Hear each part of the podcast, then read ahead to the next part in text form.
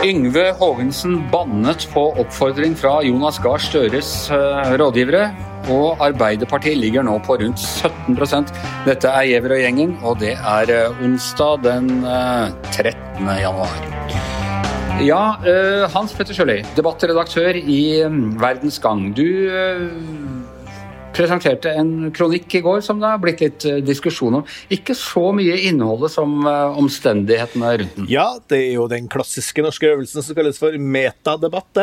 Vi er jo veldig veldig glad i ting som eh, handler om noe annet enn selve saken. Vi diskuterer saken om saken, og det er jo veldig vanlig. Det som har skjedd der, var jo altså, Det har vært en viss diskusjon på sosiale medier, særlig da, for, for, det viser seg at kronikken ikke er ført i pennen sjøl av Haagensen, eh, men at den er blitt litt initiert av eh, rådgiverne til Støre. Ja, eh, og det er jo ikke helt uvanlig. Men, men kanskje, altså folk flest tenker kanskje ikke over det. Men vi som liksom, både du og jeg som har jobbet med, med å redigere debattsider, vet jo at politikerne skriver jo veldig, veldig sjelden disse disse kronikkene sine selv. Det skrives av rådgivere og sånn, av og til folk også utenfor eh, huset, PR-byråer og, sånne ting. Og så går politikerne gjennom og, og, godkjenner. I går så var det altså Men det som var, var at den hadde jo ganske personlig preg, den Yngve Haagensen, slik vi kjenner Yngve Haagensen. Visst faen er Jonas bra for arbeidsfolk, eller et eller annet sånt ting var, eh, var overskriften. Og så har han altså ikke sittet der på PC-en og skrevet at hvis faen er han bra for arbeidsfolk. Det er plukka fra et eller annet annet sted. Men Det ville vært veldig rart hvis Yngve Haagensen skrev en eh, kronikk hvor det ikke stod faen i, i, teksten. For da har jo alle sammen skjønt at det var fake. Eh, eh, nei, altså Han har jo ikke, han har ikke engang skrivemaskin, som han sa i et intervju. Yngve Haagensen. Han har, tror jeg, knapt knapt aldri har skrevet noe sjøl i hele tatt i hele sitt liv, så han har alltid hatt noen til å skrive for seg. Uh, og, og, saken her var jo det at han har jo uttalt lignende ting i flere intervjuer, at han støtta Støre i den ja, skal vi kalle det lederstriden, eller hva, hva som foregår nå i Arbeiderpartiet, så, så var da en eh, oppvakt. Uh, presserådgiver, som er pressemedarbeider som skjønte at her eh, kan det være veldig på sin plass da, å få støtte fra selveste Yngve. og Da tok han kontakt, og så gikk jo Yngve god for det, det innholdet, basert på en type prosa som har vært klassisk for han å, skrive i, eller å, å, å, snakke i. da, og Jeg må jo si at jeg syns kronikken er jo helt er jo, den, det skal, den skal Aps rådgivere ha. Den kronikken var noe av det beste jeg har lest på, på kjempelenge. Helt, helt, egentlig helt, helt to the point hva, hva, det her handler om. Så, så, sånn sett så kan du si at de gjorde en god jobb. Da. Men det som eventuelt da er noe uvanlig, det er jo på en måte en ting er at du har folk ansatt i departementene og på, på partikontorene, eller shopper inn en tjeneste uh, utenfra for å få hjelp til å skrive uh, kronikker. Men en annen ting er jo når det er initiert fra folka rundt uh, Jonas Gahr Støre å få en sånn kronikk fra Yngve Hågensen, og så har de også skrevet den for han. Det er sånn hvis jeg ber deg holde tale for meg på 60-årsdagen min, og så skriver jeg hele talen først og prøver å skrive den i litt sånn Hans Petter-aktig ånd, og så sier jeg er er det greit? Jeg skal ikke kommentere så nøye hvordan dette har skjedd og hvem som sendte inn hva. og sånne ting, for det, det Men mer generelt da, så er det jo ikke noe tvil om at, at det her er ganske vanlig, og, og det blir gjort hele tida. Uh, uh, og, og, saken dukker jo egentlig opp fordi det er jo den klassiske journalistøvelsen. Uh, ja, Vi skal lage noe bråk om et eller annet som foregår i et parti, så ringer vi sånne veteraner som da er løsmunna og sier de villeste ting. og, og Eh, og det har jeg vært med på 100 ganger sjøl. Jeg husker jeg skulle dekke Høyre på Da Torbjørn Røe Isaksen var upopulær en gang på 2000-tallet, så ringte vi Pål Tynnes og sånne kjempegamle Høyre-folk som skulle si noe da, et eller annet. ikke sant? Og, og sånn har du holdt på, da. Og da sier jo Yngve Haagensen i flere intervjuer at han støtter Støre, og så får de den, den ideen å, å gjøre det her sånn. Så ja, det kan du si. Altså, jeg visste jo selvfølgelig eller man, man, Så får vi ikke vite det om, da, for det foregår jo så mange ting som prosesser bak. Men av og til det som er artig, er jo når vi som, det, som jobber med debatt og sånn øh, Noen ganger så får vi sånne manus fra, fra politikere som er med sånne rettestreker, og som har gått gjennom mange mange sånne runder. da, og da, For de feilsender til oss, og da, da, får vi jo litt innsikt i hvordan denne prosessen egentlig fungerer. og Jeg kan i hvert fall si såpass at det tror det er ganske sjelden av norske politikere, og være seg de er aktive eller om de er veteraner, skriver de tingene her sjøl. Altså. Jeg husker det var en slags sensasjon i sin tid mens jeg eh, redigerte debattsiden med Viktor Nordmann, for han var regna at, at han skrev debattene selv, og det var, det var oppsiktsvekkende i seg selv. Men mener du at det ikke er en sak, eh, dette med denne hva skal du si, avsløringen til eh, TV 2? Uh, nei, det har jeg liksom men jeg synes, Helt greit at de lagde sak på det, men jeg ser bare at det har ikke jeg syns kanskje nå at vi bør, eh, som vi sikkert skal gjøre etter hvert her, å, diskutere Arbeiderpartiets utfordringer uh, heller enn å, diskutere akkurat hvem som gjorde hva. Men, men det som gjorde saken litt, sånn, litt så sexy, så for så vidt sånn sosiale medieraktig, var jo det at Jarle Roheim Haakonsen, som jo er da Støres nære medarbeider, gikk ut liksom og implisitt i hvert fall skrøt veldig av kronikken sjøl på Facebook, ja. som han da syns har vært veldig delaktig i sjøl. Og det var jo kanskje ikke så veldig stilig, egentlig. Eh, og en annen ting eh, er jo at hvorfor all verden kommer dette ut? Hvorfor, hvem er det som lekker det der informasjonen? Det, det forteller jo litt om Arbeiderpartiet, det også. Ja, men vi skal ikke jakte på andre folks eh, kilder her i pressen. Men da sier vi det sånn at jeg skriver en tale som liksom er skrevet av deg, til min 60-årsdag, og så lover jeg å promotere den voldsomt på, på sosiale medier. Greit, Stolt og rørt over disse gode ordene fra min gamle venn Hans Petter Sjøli. Men jeg skal, se, skal se, jeg skal, ha med to konvolutter, sånn som den festen. Men så skal jeg ha med en egenskrevet tale også samtidig. Den blå talen og den røde talen. Ja, ja. ja, det blir stas. Det gleder vi oss til. Det er heldigvis lenge, lenge, lenge, lenge, lenge til. Det er til høsten, er det ikke? Ja, det er på den andre siden av en pandemi. Uh, Tone Sofie, skjønner du at eh, dette blir en sak? Ja, jeg skjønner at det blir en uh, sak. Og det er jo ikke det at en annen person har uh, skrevet den uh, kronikken. når Yngve Haagensen fortsatt tror at det er skrivemaskin som er gangbar mynt, så skjønner man jo det, og det er jo sånn det fungerer. Men, men det sier ganske mye om hvordan det tenkes i Arbeiderpartiet om dagen. Og, og det interessante var jo å se hvordan partiet liksom kasta seg på, og nå tydeligvis har en sånn slags kampanje for at Jonas er en god uh, arbeidskær og en bra mann for Arbeiderpartiet. og jeg skulle egentlig bare mangle at, uh, at jeg er jo egentlig mer overraska at partiet ikke har gjort det der mye mer og mye mer før. For det, det er jo litt sånn jobben til rådgiverne å få sin partileder til å skinne. Og jeg mener at der har man i Arbeiderpartiet gjort en altfor svak jobb eh, altfor lenge. Og så er jo nettopp det eh, sånn det så ut i går, så ble det liksom veldig sånn påfallende når alle plutselig kasta seg ut og oi, endelig noen som sier noe klokt om Jonas. Ja, men, men er det nettopp det som eh, er det det som egentlig er kjernen i saken her, hvis du liksom ser på det, det psykologiske og hvorfor den eventuelt appellerer? Det er litt sånn kleine fordi de står liksom på hver sitt side av spekteret i Arbeiderpartiet. Den litt forfinede vestkantakademikeren eh, og rikmannen Støre mot eh, Yngve Haagensen. Og så må man liksom legge ordene i munnen på, på Haagensen for å få ham til å rose ham. For som Hans Petter sier, det er jo ikke akkurat uvanlig at eh, toppolitikere og folk som Haagensen ikke, ikke skriver kronikkene sine selv.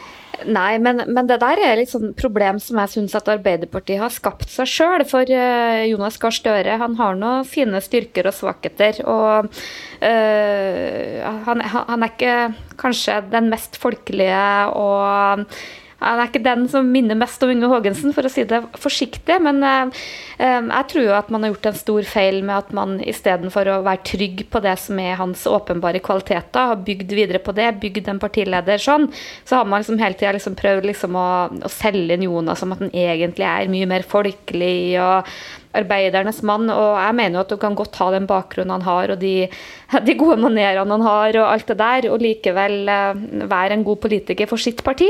Så det er litt sånn svakhet som uh, jeg syns Arbeiderpartiet sjøl eh, har liksom bidratt litt til. Og så, det som er veldig spesielt, syns jeg, er at Eh, det er ikke noe tvil om at eh, høyresida gjør det de kan for å, for å fremstille Jonas Gahr Støre som svak, vinglete, gjerne sånn i kontrast til uh, Erna Solberg som liksom trygg og, og, sånn. Det kommer de til å utnytte for alt det er verdt, men, men det hadde jo ikke hatt noe særlig kraft dersom ikke Eh, er liksom, dersom Arbeiderpartifolkene sjøl hadde stått mer opp og hatt mer sjøltillit rundt sin leder. Nå, Tror du denne saken i det hele tatt eh, har noe å si fra eller til eh, for valgkampen og Arbeiderpartiets oppslutning? eh, Ikke om den saken isolert, men jeg tror Arbeiderpartiet har et kjempeproblem. For nå, liksom, nå kommer det en litt, litt sånn gryende lederdebatt, og det, det, er jo totalt destruktivt. For det finnes ikke andre lederkandidater. Og, og, jeg tror om, om man så hadde liksom uh, klart å overtale uh, Raymond Johansen eller noen andre, så tror jeg på en måte Jonas for så vidt står sterkt i Arbeiderpartiet. Uh, men det som helt åpenbart mangler, er at partiet sjøl tror på prosjektet sitt, tror på partilederen sin, har den entusiasmen som skal til for å, for å overbevise velgerne å, å, vinne et valg. og Det er liksom, det er der partiet har en del svakheter, og, og, du merker det. For det ble liksom så påfallende det som skjedde rundt den kronikken, at nå skal skal vi på en måte prøve å få spiriten tilbake i partiet. Ja, Hans Petter, du, du snakket om det, hvordan vi journalister gjerne tar kontakt med gamle partiveteraner når vi skal eh, få det til å plaske litt i andedammen. TV 2 har jo vært gode her. De fikk jo, eh, de fikk jo Torbjørn Berntsen til å, å, gå ut og si at eh, Raimond Johansen nå burde overta. Det er hans egen nevø. Uh, er ikke det litt spesielt? Ikke, hadde ikke det egentlig vært litt uh, opplegg for en uh, diskusjon? Jo, Uh, nå sa vel ikke Berntsen at Raymond burde overta, men jeg sa at Raymond er en god kandidat til å overta. Det er vel en liten forskjell der. Men, eh, Han mente vi burde ha en lederdiskusjon, og ja. at, uh, at, Raymond var en god kandidat. Men det jeg mener at alltid når vi, som, som journalister, så liksom, Hvis det ikke er noen lederdiskusjon, så klarer vi å skape det ved å ringe enkelte folk som du vet er litt løsmunna. Da. Uh, og det har jeg jo vært med på mange ganger sjøl også. Jeg syns jo det er litt rart, det der, det der med liksom sånn arbeider si, sånn folkelighet eller sånn arbeiderklassegreier, sånn som sånn, det er snakk om ofte med, med Støre at han mangler. Da. Men altså, for eksempel, sånn, det der var jo ikke viktig, men da Jens Stoltenberg hadde jo i hvert fall ikke noen sånn bakgrunn. Men det var aldri noe så særlig snakk om det. Uh, og nå plutselig sitter jo eksempel, Jeg hørte på Politisk kvarter i morges, så satt Skjalg Fjellheim, som jo, som jo be, omtaler Oslo som nærmest som sånn, sånn syndens pøl, der alt det foregår som er, det er håpløst her i verden, kommer fra Oslo. Og så sitter han og så sier samtidig at han håper at Raimond Johansen skal ta over, som jo er byrådsleder i Oslo. Så får spørsmål om hvorfor det er det innafor. Liksom, er jo mer distriktenes mann? Nei, men han har i hvert fall arbeiderklassebakgrunn, bak, sier Skjalg Fjellheim. Jeg, altså, vi er 2020 så på å snakke på en måte der. Det høres ut som en sånn seminar i Klassekampen på, i 77. Liksom. Altså, er, det, er det så blånøye om den klassebakgrunnen? Tenk på, altså, Vi levde jo i et sosialdemokrati med Stoltenberg, Gro Harlem Brundtland, gikk jo helt strålende. Og likeens med Olof Palme i Sverige, som jo var atskillig mer overklasse enn Støre. Og det, han er jo fortsatt den største legenden i, i moderne sosialdemokrati. Så jeg syns diskusjonene ble så forserte. Men eh, ja, understrek at Skjalg Fjellheim er politisk eh, redaktør i eh, avisa Nordlys i Tromsø, for den som ikke er klar over det. Hva tenker du om dette, Tone Sofie? Der er jeg faktisk enig med Hans Petter at det fokuset på hva man er og ikke er, om man er, er rørlegger eller um, akademiker. Det, det, det handler om, er jo evnen Jeg mener jo at det alltid er liksom politikken som er det grunnleggende, men også evnen til å kommunisere ut politikken. Og der jeg mener Arbeiderpartiet feiler, det, det er jo der. Og, og, det er jo ikke fordi Vedum er så utrolig folkelig og hyggelig. han har jo klart å være veldig konsistent Eh, på et budskap. Og det er jo det Arbeiderpartiet ikke klarer. Også litt den liksom, vinglinga deres etter eh, hvem Jonas skal være, og hvordan han skal kommunisere, og hvem han skal appellere til. Det er kanskje der problemet er ikke den bakgrunnen hans. Derfor jeg mener at man det er så rart at de ikke har vært mye tryggere på hans kvaliteter og, og fokusert på det, istedenfor å prøve å skape en, en, annen politiker ut av han. Men nå må jeg si at altså, Vedum er jo kanskje den mest likende, uh, hvis du ser på det rent personlige, personen i, i uh, politikken. Og, og, når du møter ham og prater med ham, og sånne ting, så er han Jeg skjønner at han har en voldsom appell når han reiser rundt og snakker. Og du kan også si at Stoltenberg er jo også en sånn type som har en karisma som, eh, som er bra for en politiker å ha. Og eh, Jonas Gahr Støre, imponerende eh, type når du prater med ham direkte og i mindre foraer, men han får ikke helt gjennom den greia i den, den brede offentligheten. Nei, men jeg tror det politiske budskapet må ligge i bunn. Og eh, hvis Vedum hadde vært like trivelig og artig som han er, og ikke har vært så konsistent på på sitt politiske prosjekt over tid. Han gjentar og gjentar og gjentar. Han sier det samme hver eneste gang. Det har han gjort i mange, mange år. Eh, vanlige folk er ikke så veldig opptatt av politikk. Det skal veldig lite til eh, Eller det skal veldig mye til for at dette budskapet skal feste seg. og det tror jeg på en måte Arbeiderpartiet klarer ikke å stå i det, men det har Senterpartiet gjort. Så tror jeg liksom at, at politikere er hyggelige og sånne ting, ja det teller kanskje litt opp, men ikke det store bildet. Det finnes massevis av supertrivelige politikere som overhodet ikke klarer å vinne på det. Det tror jeg er helt, helt riktig, Tone Sofie. bare for å si det, for Jeg merker jo Støre er også en veldig hyggelig fyr. Veldig, jeg eh, intervjua han mange ganger. og Jeg syns han er en, en, en, en, sånn fyr som er lett å like. da.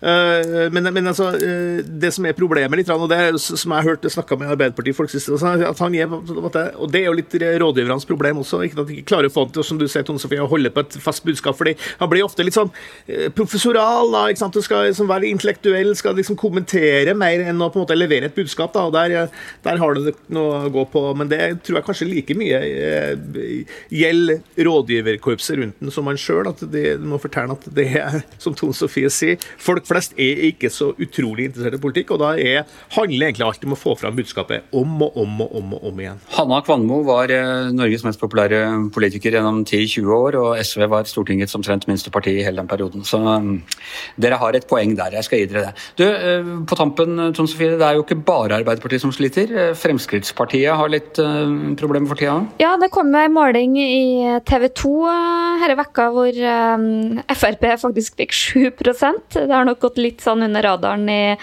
alle de her problemene til uh, Arbeiderpartiet, men det, er flere partier som ikke får uh, orden på det. Og det er jo litt sånn morsomt når uh, FrPs stortingsrepresentant Roy Steffensen Han har jo tidligere hatt et grunnlagsforslag om å heve sperregrensa til 5% Nå har han altså rykka ut og prøvd å ta tilbake forslaget sitt. Så, ja. så det er mange som sliter med Senterpartiet om dagen.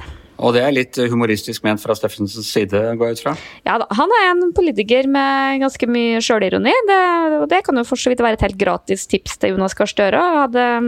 Og kanskje spille litt mer på det tror jeg alltid er bra, særlig for politikere som blir oppfatta som litt sånn, eh, litt sånn arrogant og sånn, tror jeg det er en ganske sånn avvæpnende egenskap.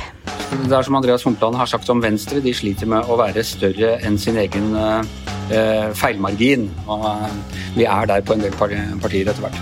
Ok, uh, med det så er Giæver og gjengen over for i dag. I hvert sitt hjemmestudio Tone Sofie Aglen, Hans Petter Sjøli, jeg heter Anders Giæver. Og mannen som skriver alle sine egne taler, kronikker og utfører jobben med egne hender, er som vanlig vår produsent Magne Antonsen.